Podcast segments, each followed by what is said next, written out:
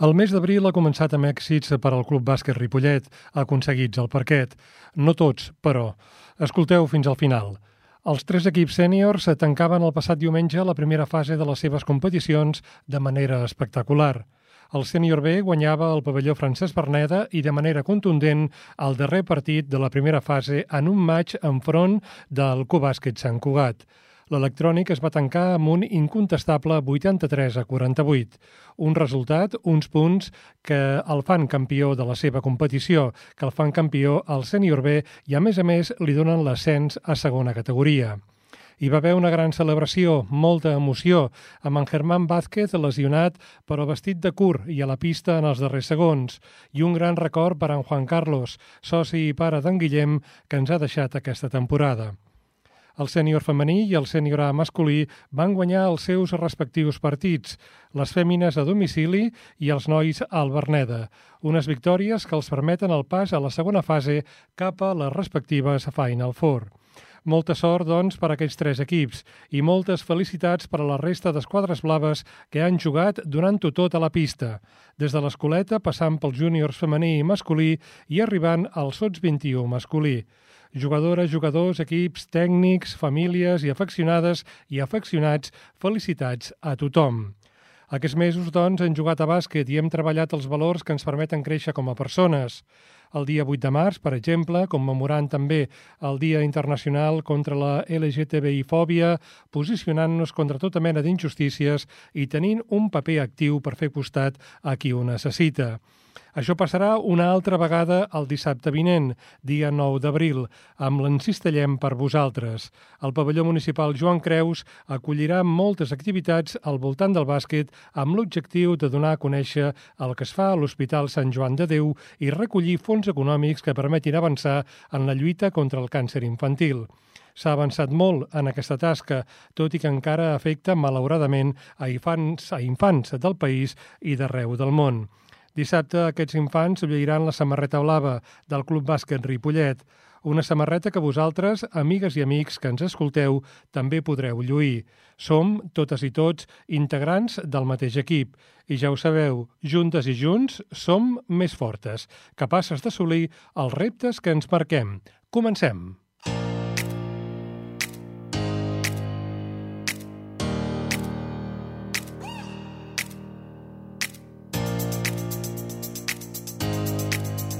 En el programa d'avui, en el programa del mes eh, d'abril, entrevistarem a Rebeca Alzina. Ella forma part del Club Bàsquet Ripollet i ha treballat força en aquest Encistellem per vosaltres. Ens n'informarà de tot el que serà, el que es farà i com podreu assistir-hi i col·laborar-hi. També parlarem amb Emma Parrier. Ella és tècnica de l'Hospital de Sant Joan de Déu. Hem marxat cap a Esplugues de Llobregat per conèixer en concret el que hi fa aquest hospital. Coneixerem què en pensa la regidora d'Esports, Andrea Guijarro, de l'activitat En Cistellem per vosaltres i recollirem les impressions dels tres entrenadors dels equips sèniors del club, els que ja han aconseguit aquesta fita important.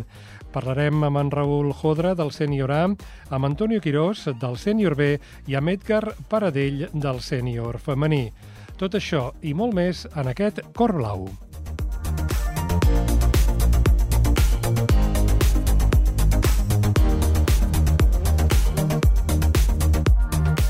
Rebeca Alzina, el proper dissabte eh, celebrarà a Ripollet l'activitat En Cistellem per vosaltres. Explica'ns què és aquesta activitat. Doncs hola Jordi. Eh, primer de tot moltes gràcies per donar-me uns minutets per fer ressò de la jornada solidària que celebrarem el dissabte, dia 9. I bé, doncs, consisteix una miqueta doncs, a, a, a col·laborar. Um, uh, bueno, jo fa molts anys, per circumstàncies personals, eh, col·laboro doncs, eh, amb el càncer infantil eh, i juntament, doncs, com ja saps que el meu fill també és, estudia infermeria, doncs hem col·laborat amb Sant Joan de Déu tot el que podem doncs, dins de les nostres possibilitats. I jo cada any doncs, compro pulseres i bueno, el torró que fan i vaig contactar amb la noia de, de les pulseres i li vaig pues, proposar eh, que li semblava doncs, organitzar una festa, una jornada solidària de bàsquet amb el club eh, i vendre i tenir la possibilitat d'arribar a més gent. I llavors em van comentar que, bueno, que encantats, porten uns dos anys que de veritat és que no, no tenen cap tipus de d'ajudes i de... perquè bueno, pel, pel tema del Covid no han pogut organitzar moltes coses i llavors tot el que vingui doncs es faci, benvingut serà. Escolta, qui participarà en aquesta activitat? Doncs mira, tenim un programa que durant el matí el, el dedicarem principalment als més menuts, farem una trobada d'escoles, eh, no estic segura, però crec que hem tancat sis escoles, més la nostra, de petits, eh, tot s'organitzarà al pavelló Joan Creus, l'Ajuntament ens ha facilitat el pavelló, cistelles i bueno, tot el que necessitem, i durant el matí es farà aquesta jornada. A partir de les 12, quarts d'una, acaba i llavors el que hem organitzat és un partit amb el grup Espadi, que és un grup que, del poble que és, fan bàsquet inclusiu, i amb els nostres equips júniors fem un combinat i farem una mica de partidet. Al migdia descansem perquè s'ha de descansar i després per la tarda tenim diverses propostes de, amb, les, amb els equips de joves del club. Eh, farem concurs de triples i després un combinat de jugadors i jugadores eh, i faran equipets, es faran equipets i bueno, jugaran eh, partits entre ells. Per últim tenim a fora el, el que és la plaçoleta, eh, muntarà una food truck per qui vulgui doncs, esmorzar, berenar, prendre un cafè, a més, la veritat és que fan productes de proximitat, eh, tenen coses per... Bueno, treballen molt en temes celíac, intolerància, vull dir que ja ens hem també mirat una miqueta això. I bueno, i res més, i molt bàsquet. Una de les coses que passarà és que tots els clubs eh, de l'entitat, tinguin l'edat que tinguin, des de l'escoleta fins als sèniors, podran participar-hi, a més a més, per la tarda, si no vaig errat, hi haurà partits eh, que seran mixtes, amb gent de eh, homes o dones, nens, nenes i gent de diverses edats. Correcte. Bueno, és que creiem que és una manera de que tot el club estigui, participi i també es conegui, perquè és molt important. Aquest any tenim un, un equip escolar, tenim dos juniors masculí i femení, ens estem, tenim l'escoleta que tenim molts nens, i bueno, crec que s'han de conèixer, perquè molts cops pues, no coincideixes amb horaris, ni en partits, ni en caps de setmana, i molts entrenadors mm, són jugadors, i potser és la manera d'arribar-hi, no? I de, i de fer família i de fer club. Uh. -huh. Una de les coses que podrà fer la gent per col·laborar en aquesta iniciativa, a banda d'anar al pavelló municipal Joan Creus, és comprar aquesta pulsera solidària, eh, una pulsera que ja ens han explicat doncs, que anirà destinats els diners que es treguin a la investigació del càncer infantil. Suposo, Rebeca, que tu et refermes i fas una crida perquè tothom hi participi i si pot compri la pulsereta. Doncs mira, sí, el tema de la pulsera és, eh, principalment és molt maca perquè bueno, jo la, la, noia amb la que faig d'intermediària, eh, és el seu fill el que ha fet aquesta pulsera, és una historieta, doncs aquest nen té càncer, i ell explica amb vinyetes a la seva manera pues, què és la seva l'enfermetat per ell. Té una, ell diu que té una boleta, que és com un bitxito, i uns dies està content, uns altres està trist, hi ha una ambulància, i ell explica com si fos una vinyeta d'un còmic. El preu són 3 euros, íntegres evidentment totalment és per Sant Joan de Déu, i llavors el que ens proposa la Emma, que és la persona que organitza o que dirigeix el que és el tema solidari de Sant Joan de Déu, ens, bueno, nosaltres portarem el xec allà, ens faran un xec d'aquests, el típic de foto, no? i ens, ens conviden als que vulguem del club a anar-hi perquè és molt interessant, ens faran una visita guiada que crec que això és el que un, jo que l'he fet perquè el meu fill ha fet unes pràctiques allà, és molt important. És molt important perquè viure-ho i veure-ho no és el mateix que jo t'expliqui. Llavors farem una visita que espero pues, bueno, la Núria com a presidenta i si vol afegir-se algun entrenador o algú de la Junta, doncs encantats farem una mica de reportatge perquè arribi a tothom, no? Uh -huh. uh, aquesta entrevista la passarem el dijous, és enregistrada. Uh, just acaba de passar una cosa molt important i és que un dels equips del Club Bàsquet Ripollet, el Sènior B, de tercera categoria, doncs quedarà primer en la seva competició. Com a persona del club, com a mare de jugador, com a supporter del jugador, uh, què sents ara mateix, Rebeca? Doncs mira, estem, la veritat és que ha sigut molt, molt, molt, un, un, emocions a, a mil, perquè ha sigut un any molt dur, perquè ens han passat moltes coses eh, i creiem que no sabríem si arribaríem, no? Llavors, doncs, eh, ostres, és eh, pujar a segona, eh, per als nanos ha sigut un premi, un... ha sigut molt, molt heavy, molt heavy. Nosaltres eh, hem patit lesions, hem patit Covid, hem patit la pèrdua d'un amic i d'un soci, d'un pare d'un jugador que és el Joan Carles, que, que aquesta victòria, evidentment, i aquesta pujada segona va dedicada a ell totalment. I, ostres, doncs estem ara mateix amb un núvol, eh, sobretot perquè és molt important, perquè és molt difícil, és molt difícil pujar només hi ha una plaça per pujar de tercera a segona, només una. I això et pot significar que un dia tens un entrebanc i ja està. Durant tot un any ho perds. Eh, ostres, i, i després, avui comentava ara no, amb el coordinador que, que l'Oriol li he comentat, ostres, pugem a segona, però és molt important, però és que és el legado que nosaltres deixem, perquè tenim a baix un júnior, tenim a baix un sub-21, tenim equips que aquest any creiem que podrem ampliar la, la línia eh, i llavors, ostres, doncs és molt important, és molt important. Llavors, doncs, avui confirmem que el senyor B puja a segona i que tant senyor femení com senyor masculí Copa van a fases. Vull dir que, ostres, per un club com nosaltres, que penso que és, mm, vamos, de lo más. Molt bé, doncs ja ho sabeu, dissabte vinent, eh, festa gran, solidària, festa per descobrir la gent de Ripollet, com n'és de practicant de l'esport i, amant del bàsquet al pavelló municipal Joan Creus. A partir de quina hora? Comencem a les 10 i bueno, esperem no acabar molt tard, però bueno, potser són les 8, quarts de 9. O sigui que estarem allà tot el dissabte.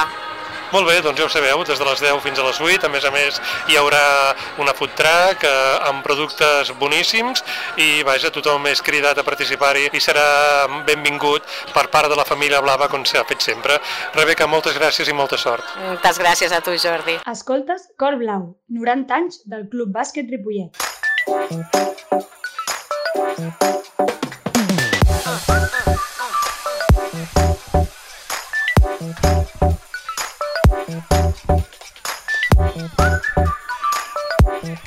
L'activitat en Cistellem per vosaltres es durà a terme el proper dissabte al pavelló municipal Joan Creus.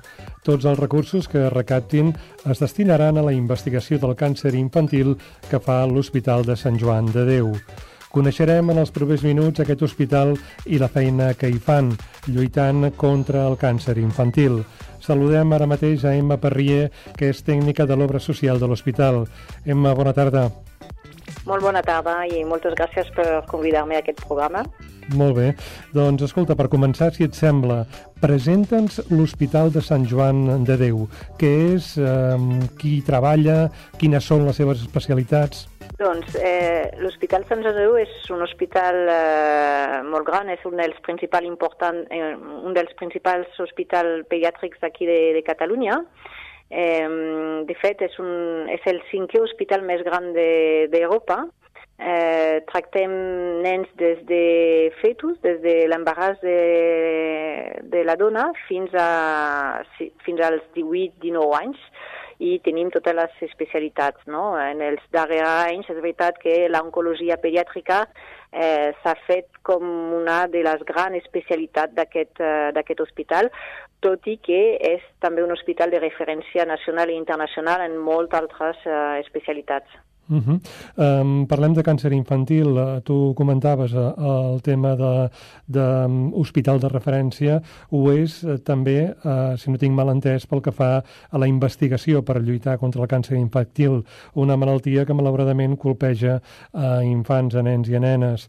Cada dia que passa les investigacions avancen per vèncer aquesta malaltia. Um, en quin punt estem actualment, Emma, pel que fa a aconseguir algun dia vèncer el càncer infantil? Doncs estem avançant, estem avançant, però encara queda molt, molt camí per, per recórrer. No? Mm, actualment, eh, un 80% dels nens o adolescents que pateixen càncer es, es curen, que és una proporció um, més elevada que en el cas dels adults, Eh, però és cert que, d'una banda, encara tenim un 20% eh, de nens que no superen la malaltia i per als quals encara no tenim els tractaments adequats i no, encara no coneixem prou la seva malaltia per poder trobar aquest tractament adequat. I per una altra banda, és cert que els 80% que es curen, a vegades, es curen, però mm, a través d'uns tractaments molt agressius que, deixen, que poden deixar seqüeles, no? I doncs també cal que um, cal de cara al futur millorar aquests tractaments i pot trobar igual un tractament tan eficaç però, però amb, eh, menys agressiu i que no deixin uh, les seqüeles que deixen els actuals. No? I doncs encara queda molta recerca, molta recerca per fer i aquesta recerca no és fàcil, eh, no és fàcil perquè el càncer infantil és una malaltia minoritària, molt poc freqüent, eh, estem parlant que només hi ha un cas de càncer en nens i adolescents per 200 casos en adults i que, a més a més, el càncer infantil és una malaltia molt diferent del càncer de l'adults. No tenen res a veure. Un nen mai té càncer de pulmó, càncer de pròstata o càncer de mama o càncer de, eh, d'estómac com, com un adult. No? Eh, els nens tenen, no tenen càncer eh, propi de l'envelliment de les nostres cèl·lules, com és el cas dels adults. Els nens tenen eh, càncer propi del creixement, del desenvolupament de nous òrgans i nous teixits. I doncs eh, el fet que aquests càncers siguin molt pocs freqüents i molts minoritaris eh, fa que la seva recerca és molt més complicada perquè és, no, no és rentable per la indústria farmacèutica i l'única manera de, de finançar aquesta recerca és eh, a base de donacions eh, privades eh, justament eh, extrec del que ens has explicat, que és molt interessant, eh, malaltia minoritària i al mateix temps recursos econòmics. Eh, el fet, per exemple, doncs, que el Club Bàsquet Ripollet, com moltes altres entitats, organitzin activitats, d'una banda per informar la població de la vostra realitat, però de l'altra per recollir fons econòmics, eh, suposo que ho agraïu, perquè això permet que hi hagi fons econòmics per tirar endavant la investigació. Evidentment, estem enormement agraïts quan una entitat com el bàsquet eh, eh, Ripollet eh, es posa a organitzar una, una iniciativa solidària. Per nosaltres és realment eh, imprescindible. De fet, sense iniciatives d'aquest tipus, sense la mobilització de la societat, de les associacions de pacients, de les famílies, eh, no podríem avançar en el coneixement del, del càncer infantil. Eh, per donar-vos una idea, actualment el laboratori de, de recerca de l'Hospital Sant Joan de Déu és el laboratori més important, és l'equip més important que hi hagi a Espanya. Són més de 50 professionals que hi treballen i el 70% del nostre pressupost són donacions, donacions privades que venen d'associacions de pacients i de moltes i moltes uh, accions solidàries com aquesta jornada de bàsquet solidari que està organitzant el, el club de bàsquet de, de Ripollet. Així que per nosaltres és, um, és primordial. Sense ells no podríem uh, fer recerca del càncer infantil. Mm. Permetem una reflexió en veu alta, vull dir, són números realment excepcionals que diuen molt uh -huh. de la solidaritat de la gent d'aquest país, de la gent que paguem els nostres impostos, de tu, de jo i de qui ens escolti, però eh, també una mica el percentatge d'aportacions privades, entre cometes, i aportacions públiques és, eh, diguem-ne, eh, caldria corregir-lo també. Potser les administracions haurien d'aportar més recursos per a trobar solucions a, a malalties com el càncer infantil. A veure, sí que és cert que seria fantàstic, però aquesta situació no és... Eh, no és específic d'aquí de Catalunya o d'Espanya. Eh? És una miqueta la, la mateixa situació en qualsevol altre eh, país del món, eh, perquè com que explicava al principi, no, el càncer infantil és una malaltia minoritària, eh, hi ha més de 7.000 malalties minoritàries i això fa que el finançament de la recerca d'aquestes malalties sempre és, és molt difícil perquè les institucions públiques no tenen pressupostos eh, tan importants per poder cobrir la recerca de totes aquestes malalties. No? Eh, Eh, per això bueno, mm, hi ha una mobilització molt important de les famílies eh, a tot arreu, eh, a tots els països, perquè hi hagi una involucració més important de, de les institucions públiques. I bueno, nosaltres podem agrair almenys que hi ha una mobilització de la ciutadania molt important jo crec que les associacions de pacients i les famílies afectades fan també una molt bona feina de, de sensibilització per explicar que el càncer infantil no és el càncer d'adults, que són malalties diferents, que els nens necessiten que es faci recerca dels seus càncers, que tota la recerca que es fa en càncer d'adults no, els, no els serveixen a ells, perquè ells no pateixen aquests tipus de càncers, tenen els seus uh, càncers de nens i d'adolescents i que realment cal uh, recolzar la, la recerca d'aquests tipus de, de tumors infantil. I, bueno, la, diria, mm, per veure com aquesta solidaritat no, de la societat, com funciona.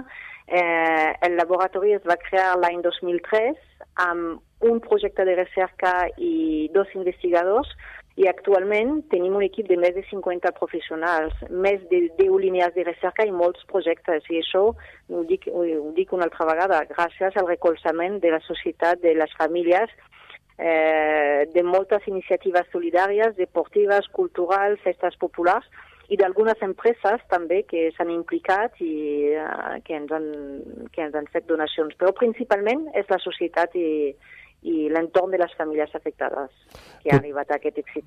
Uh -huh. Tota aquesta informació la trobareu àmpliament vaja, eh, explicada i a més a més amb molt detall al web de l'Hospital de Sant Joan de Déu. Eh, trobareu tota aquesta informació, la que ens facilita uh -huh. amablement l'Emma i molta més per si en voleu conèixer profundament. Us ho recomano la feina que hi fa aquest hospital en els seus diversos centres que té a Catalunya, que té arreu de l'Estat. Escolta, Emma, ja per anar tancant, eh, què li diries a una persona que ens està escoltant escoltant perquè aquest dissabte participi en aquesta activitat. Ens cistellem per vosaltres, ens cistellem per l'Hospital de Sant Joan de Déu pues que no dubti que s'apropi del pavelló, que hi ha eh, moltes activitats previstes, que hi haurà venda de la pulsera solidària per l'aniversari del càncer infantil, que quan compra aquesta pulsera de 3 euros en realitat està fent una donació de 3 euros al, al càncer infantil i que no dubti, que compri pulseres per tots els nens que aniran a l'aniversari dels seus fills o per deixar com un detall al dinar de família que es farà per Setmana Santa o que realment no dubtin eh, i que poden entrar també en la web de l'hospital si volen fer una donació eh, directa, eh, poden entrar a la web de l'hospital i fer aquesta donació a la web de l'hospital. Molt bé, doncs Emma Barriem, eh, que avui ens has acompanyat. L'Emma és tècnica de l'obra social de l'Hospital de Sant Joan de Déu. Moltes gràcies i esperem que entre totes i tots fem possible mm, això que no sigui pas una utopia, que sigui que es pugui vèncer el càncer infantil. Gràcies i molta sort. Gràcies a vosaltres per donar-nos aquesta oportunitat. Gràcies per tot. Nosaltres escoltem Cor Blau. I tu?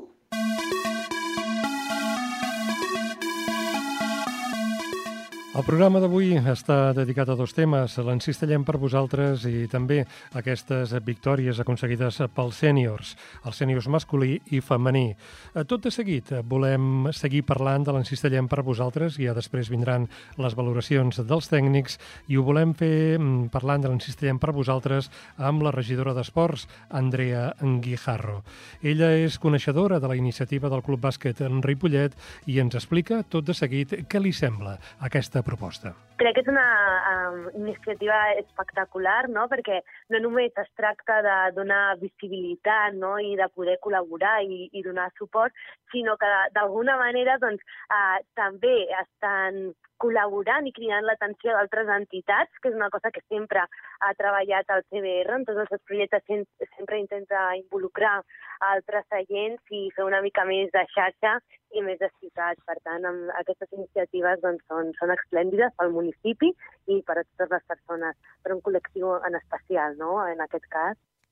Li han demanat a, l'Andrea què li diria a la gent de Ripollet per animar-la a assistir a participar en l'Encistellem per vosaltres. Bueno, primer de tot, que estan totes superconvidades per part de, del CBR i que si van poder eh, treure el millor de nosaltres no, en uns moments de pandèmia, doncs ara també és una gran oportunitat i un gran moment doncs, perquè totes podem escalfar ben bé el, el pavelló Joan Creus i, i donar suport a, aquesta causa i a tota aquesta canalla que, que necessita molt, molt suport. Així que espero que podem omplir de gom a gom al, al pavelló Joan Creus. I aprofitant la vinentesa, hem volgut copsar com estan funcionant les competicions esportives a Ripollet, les competicions que fan els diversos clubs i entitats esportives de la nostra vila. Ens ho explica la regidora d'Esports.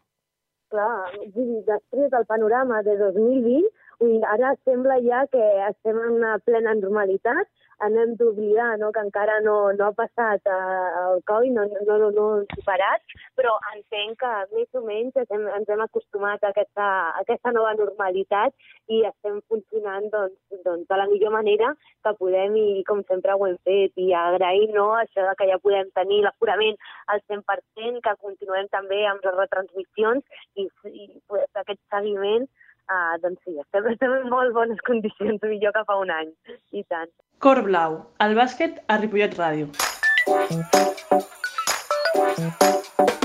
Uh, Raül Jodra, avui heu guanyat amb el Sant Boi, avui ha acabat la Lliga, la fase primera o fase regular. Uh -huh. uh, felicitats per la victòria. Com valores uh, com ha anat aquesta primera fase? Bueno, eh, pues primer de tot, eh, el primer que vull fer són dues coses. El primer de tot, felicitar el sènior B, perquè avui ha assolit l'ascens de categoria a segona catalana i crec que és lícit poder començar dient això.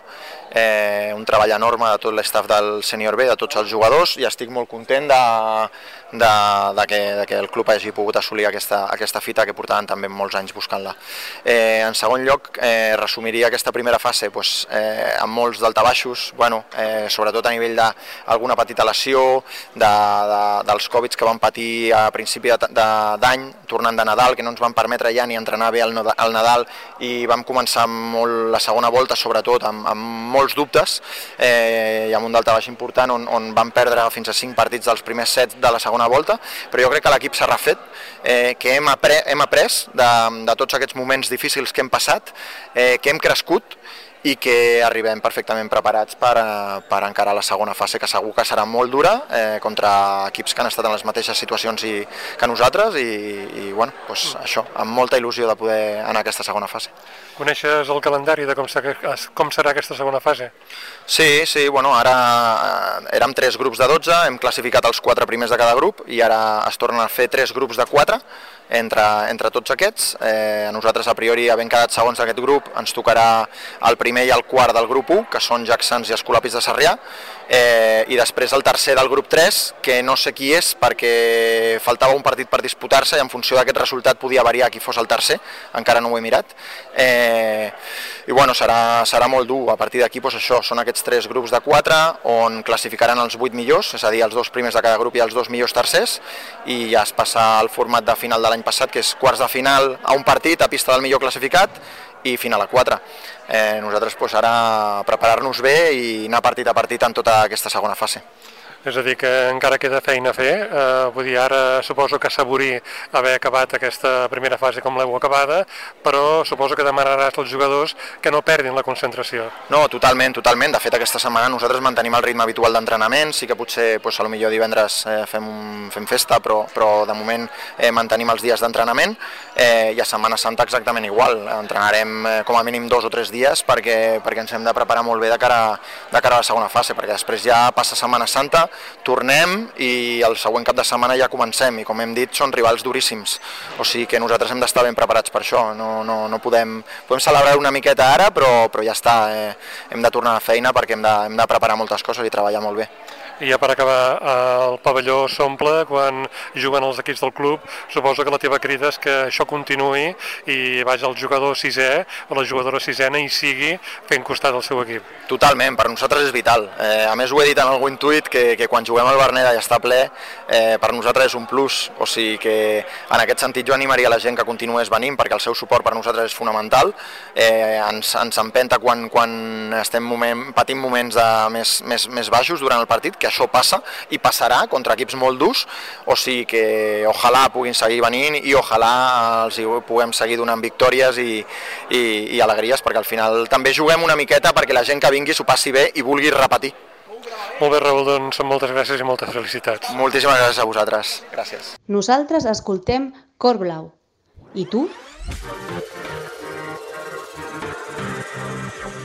L'equip sènior B aconseguia diumenge una victòria que certifica que acabarà com a líder del seu grup de tercera.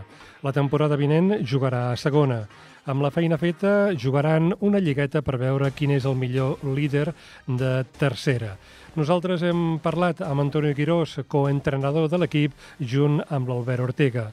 Valorava per Cor Blau l'ascens aconseguit al Francesc Berneda. Doncs, doncs la veritat és que estem molt contents. Uh, ha sigut una victòria, bueno, eh, molt treballada, no? Al final eh, és tota una temporada on a més hi hem tingut un, un rival com era l'Escola Pia que, que no ens donava a descans perquè, perquè no perdia, uh, llavors ens obligava cada cap de setmana a guanyar i guanyar i guanyar i, i al final el, el poder aconseguir-ho, a més poder aconseguir-ho a casa, doncs, doncs ja pots imaginar que, que va ser una, una alegria molt gran.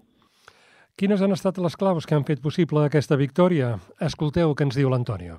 Jo, eh, si hagués de destacar una cosa per sobre de, de la resta, seria, seria l'equip com, a, com a tal. És un, un equip que, la veritat, eh, s'ha comportat com, com això. Eh, tothom eh, tenia molt clar quin era l'objectiu comú, tothom està disposat a, a donar-ho tot i de vegades potser fer un pas al lateral eh, quan tocava per, per un altre company poder agafar una responsabilitat. Hem tingut certs problemes durant la, la temporada eh, gairebé tots ells eh, extraesportius que ens han obligat a, a que molts jugadors hagin hagut de, de donar una passeta endavant i, i tots han sigut capaços de, de fer-ho i, i la forma en què l'equip s'ha comportat com un equip i han mirat més amb, amb l'objectiu comú que no pas amb l'objectiu individual crec que és el que ens ha donat el, el punt diferencial. Una de les feines fetes pels entrenadors ha estat cercar i trobar l'equilibri de l'equip. Recordem, una esquadra formada per jugadors veterans i joves. Sí, exacte. Era un grup una miqueta a priori, no? Uh, penses que, que és difícil de, de gestionar pel, pel que comentes, no? Tens un grup de, de jugadors molt, molt joves i després, per una altra banda, uns quants jugadors uh, més, més veterans, però justament això ha sigut un, un, ha donat un balanç, no? En, en moments on, on calia una miqueta més de cap doncs, aquests jugadors més, més veterans ens han, ens han ajudat i, per una altra banda, uh, els jugadors eh, joves doncs, ens han portat moltes coses noves, moltes coses molt, molt fresques i, i a nivell tècnic i tàctic doncs, ha sigut uh, una feina molt, molt llarga perquè al final l'Albert ja va començar amb ells l'any passat que, que tot i que no vam, no vam poder competir per tema de, de la pandèmia va començar a treballar amb ells i, i al final el, el fruit ha sigut que de fet hem tingut moments de molt bon bàsquet uh, durant aquesta temporada. Diumenge va ser un dia per celebracions, un dia de celebracions, amb en Germán Vázquez, el lesionat, que va trepitjar el parquet. Ell ho va voler per viure l'èxit esportiu vestit de curt i el record i dedicatòria de la fita aconseguida per en Juan, Car Juan Carlos Solà, pare del jugador Guillem Solà, qui recentment ens ha deixat. Totalment, no? Parlava abans de, de tots aquests temes eh, que, hem, que hem tingut, de dificultats, no? Algunes d'elles esportives eh, i d'altres eh, de fora de la pista, no? El, el, el Germán fa, fa unes setmanes va, va patir un accident fora de, de pista i, i ell, tots els que coneixem sabem l'important que, que és per ell el bàsquet i com, i com ho viu i crec que va, va ser un gest no?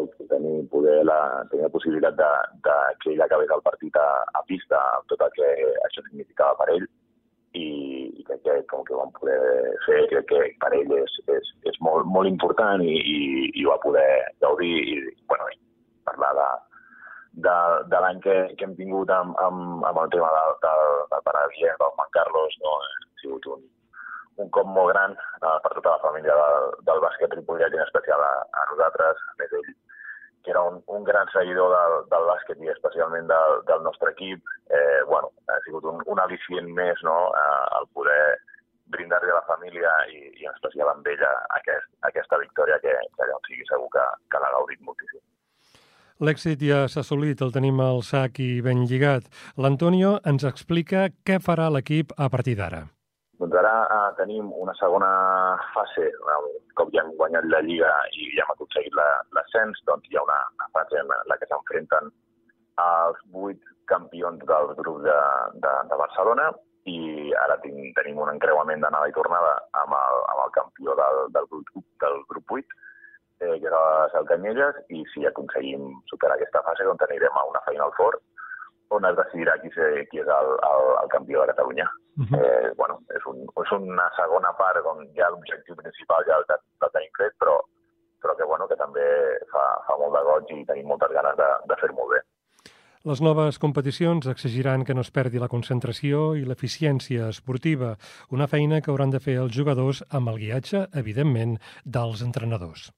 I tant, sí, bueno, eh, ahir que, que ja havia entrenat els vam donar una festa més que merescuda, la veritat, i, i ara torna, no, el que comentes, no, tornar una miqueta a tocar de peus a terra, seguir treballant, crec que eh, l'objectiu i la fita és, és molt maca, eh, poder competir amb, amb els millors de, de tots els grups i poder demostrar que, que som, que, que som no, uns, uns guanyadors i, i que podem competir amb, amb tothom.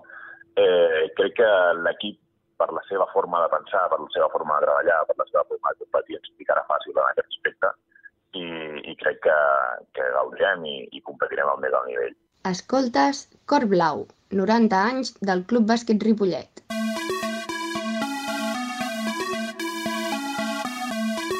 I a continuació volem conèixer també les impressions de l'Edgar Paradell, que ell és l'entrenador del sènior femení.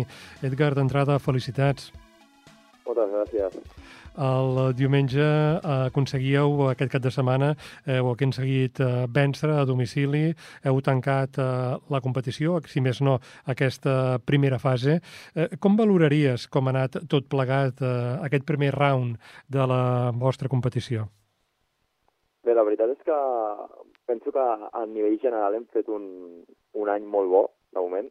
Eh, hem sigut en algun moment eh, un equip molt difícil de, de guanyar.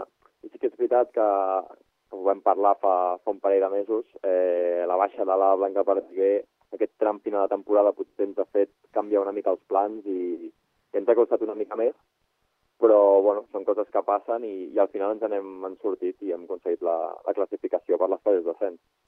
Ara que parlaves de la Blanca Perdiguer, s'ha reincorporat ja a la dinàmica, a la disciplina de l'equip o encara no? No, no, no. En principi aquesta temporada la Blanca ja no, ja no jugarà més.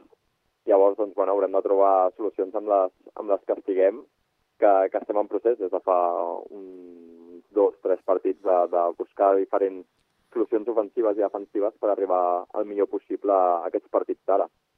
Suposo, Edgar, que has tingut oportunitat de parlar amb les jugadores i amb el teu staff, una mica parlar-ho entre totes i tots. Um, com esteu contents? Uh, esteu satisfets d'aquesta classificació per la segona fase?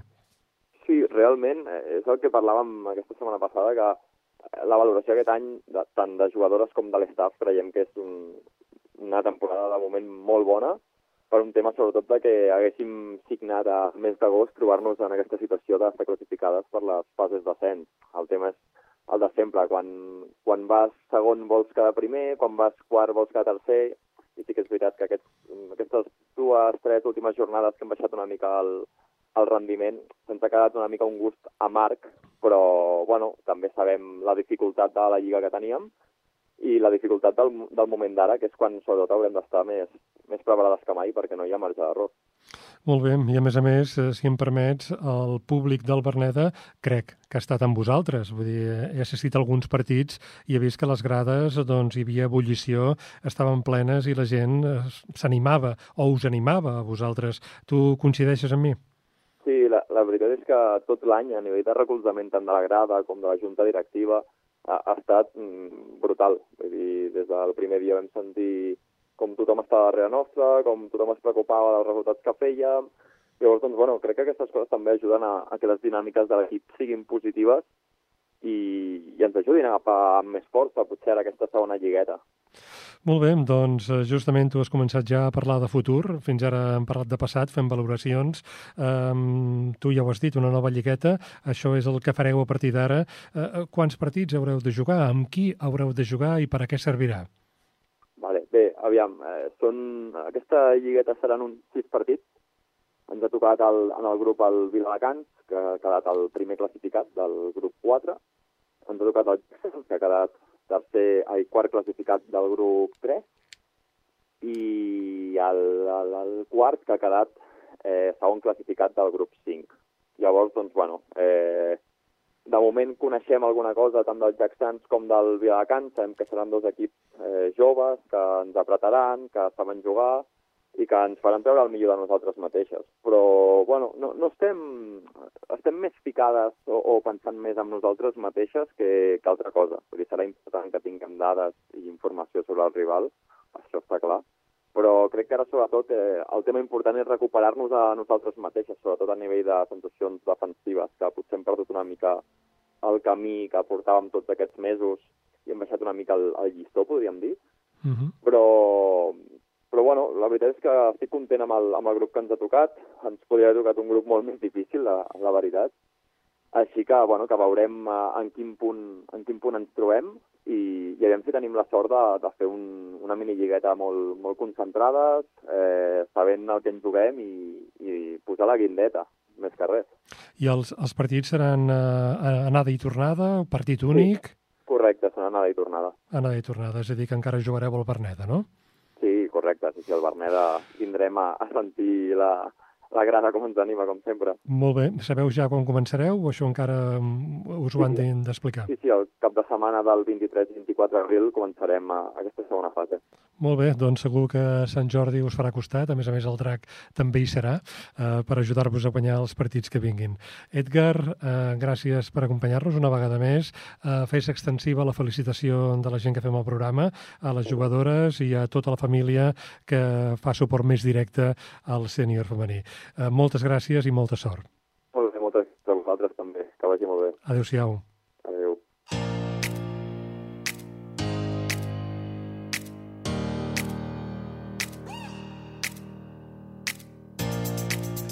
I amb aquesta entrevista amb l'Edgar Paradell, el coach del sènior femení, nosaltres tancarem aquest cor blau del mes d'abril.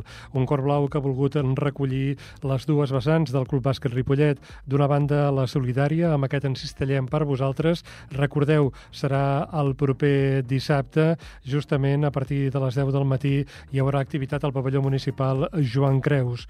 Podreu veure bon bàsquet, podreu gaudir del bon bàsquet i al mateix temps ajudar a la gent de l'Hospital Infantil de Sant Joan de Déu en la seva lluita, en la que hi som totes i tots, contra el càncer infantil. I d'altra banda, doncs, a banda d'aquesta banda més solidària, d'aquesta vessant més solidària, hem repassat els èxits esportius dels clubs sèniors, dels equips sèniors del Club Bàsquet Ripollet, els masculins i el femení.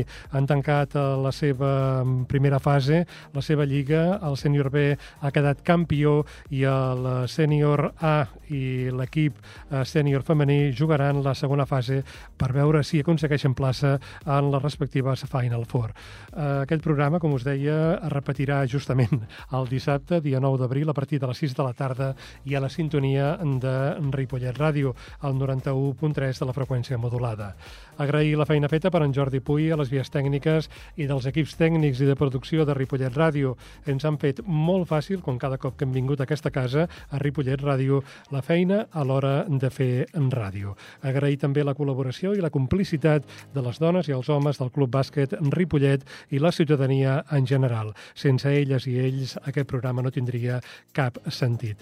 Tornarem amb un nou programa i ho farem el dijous, dia 12 de maig, 12 de maig de 2022, a partir de les 8 del vespre, si és que res no canvia, esperem que no. Fins llavors, a totes i a tots, salut i bon bàsquet.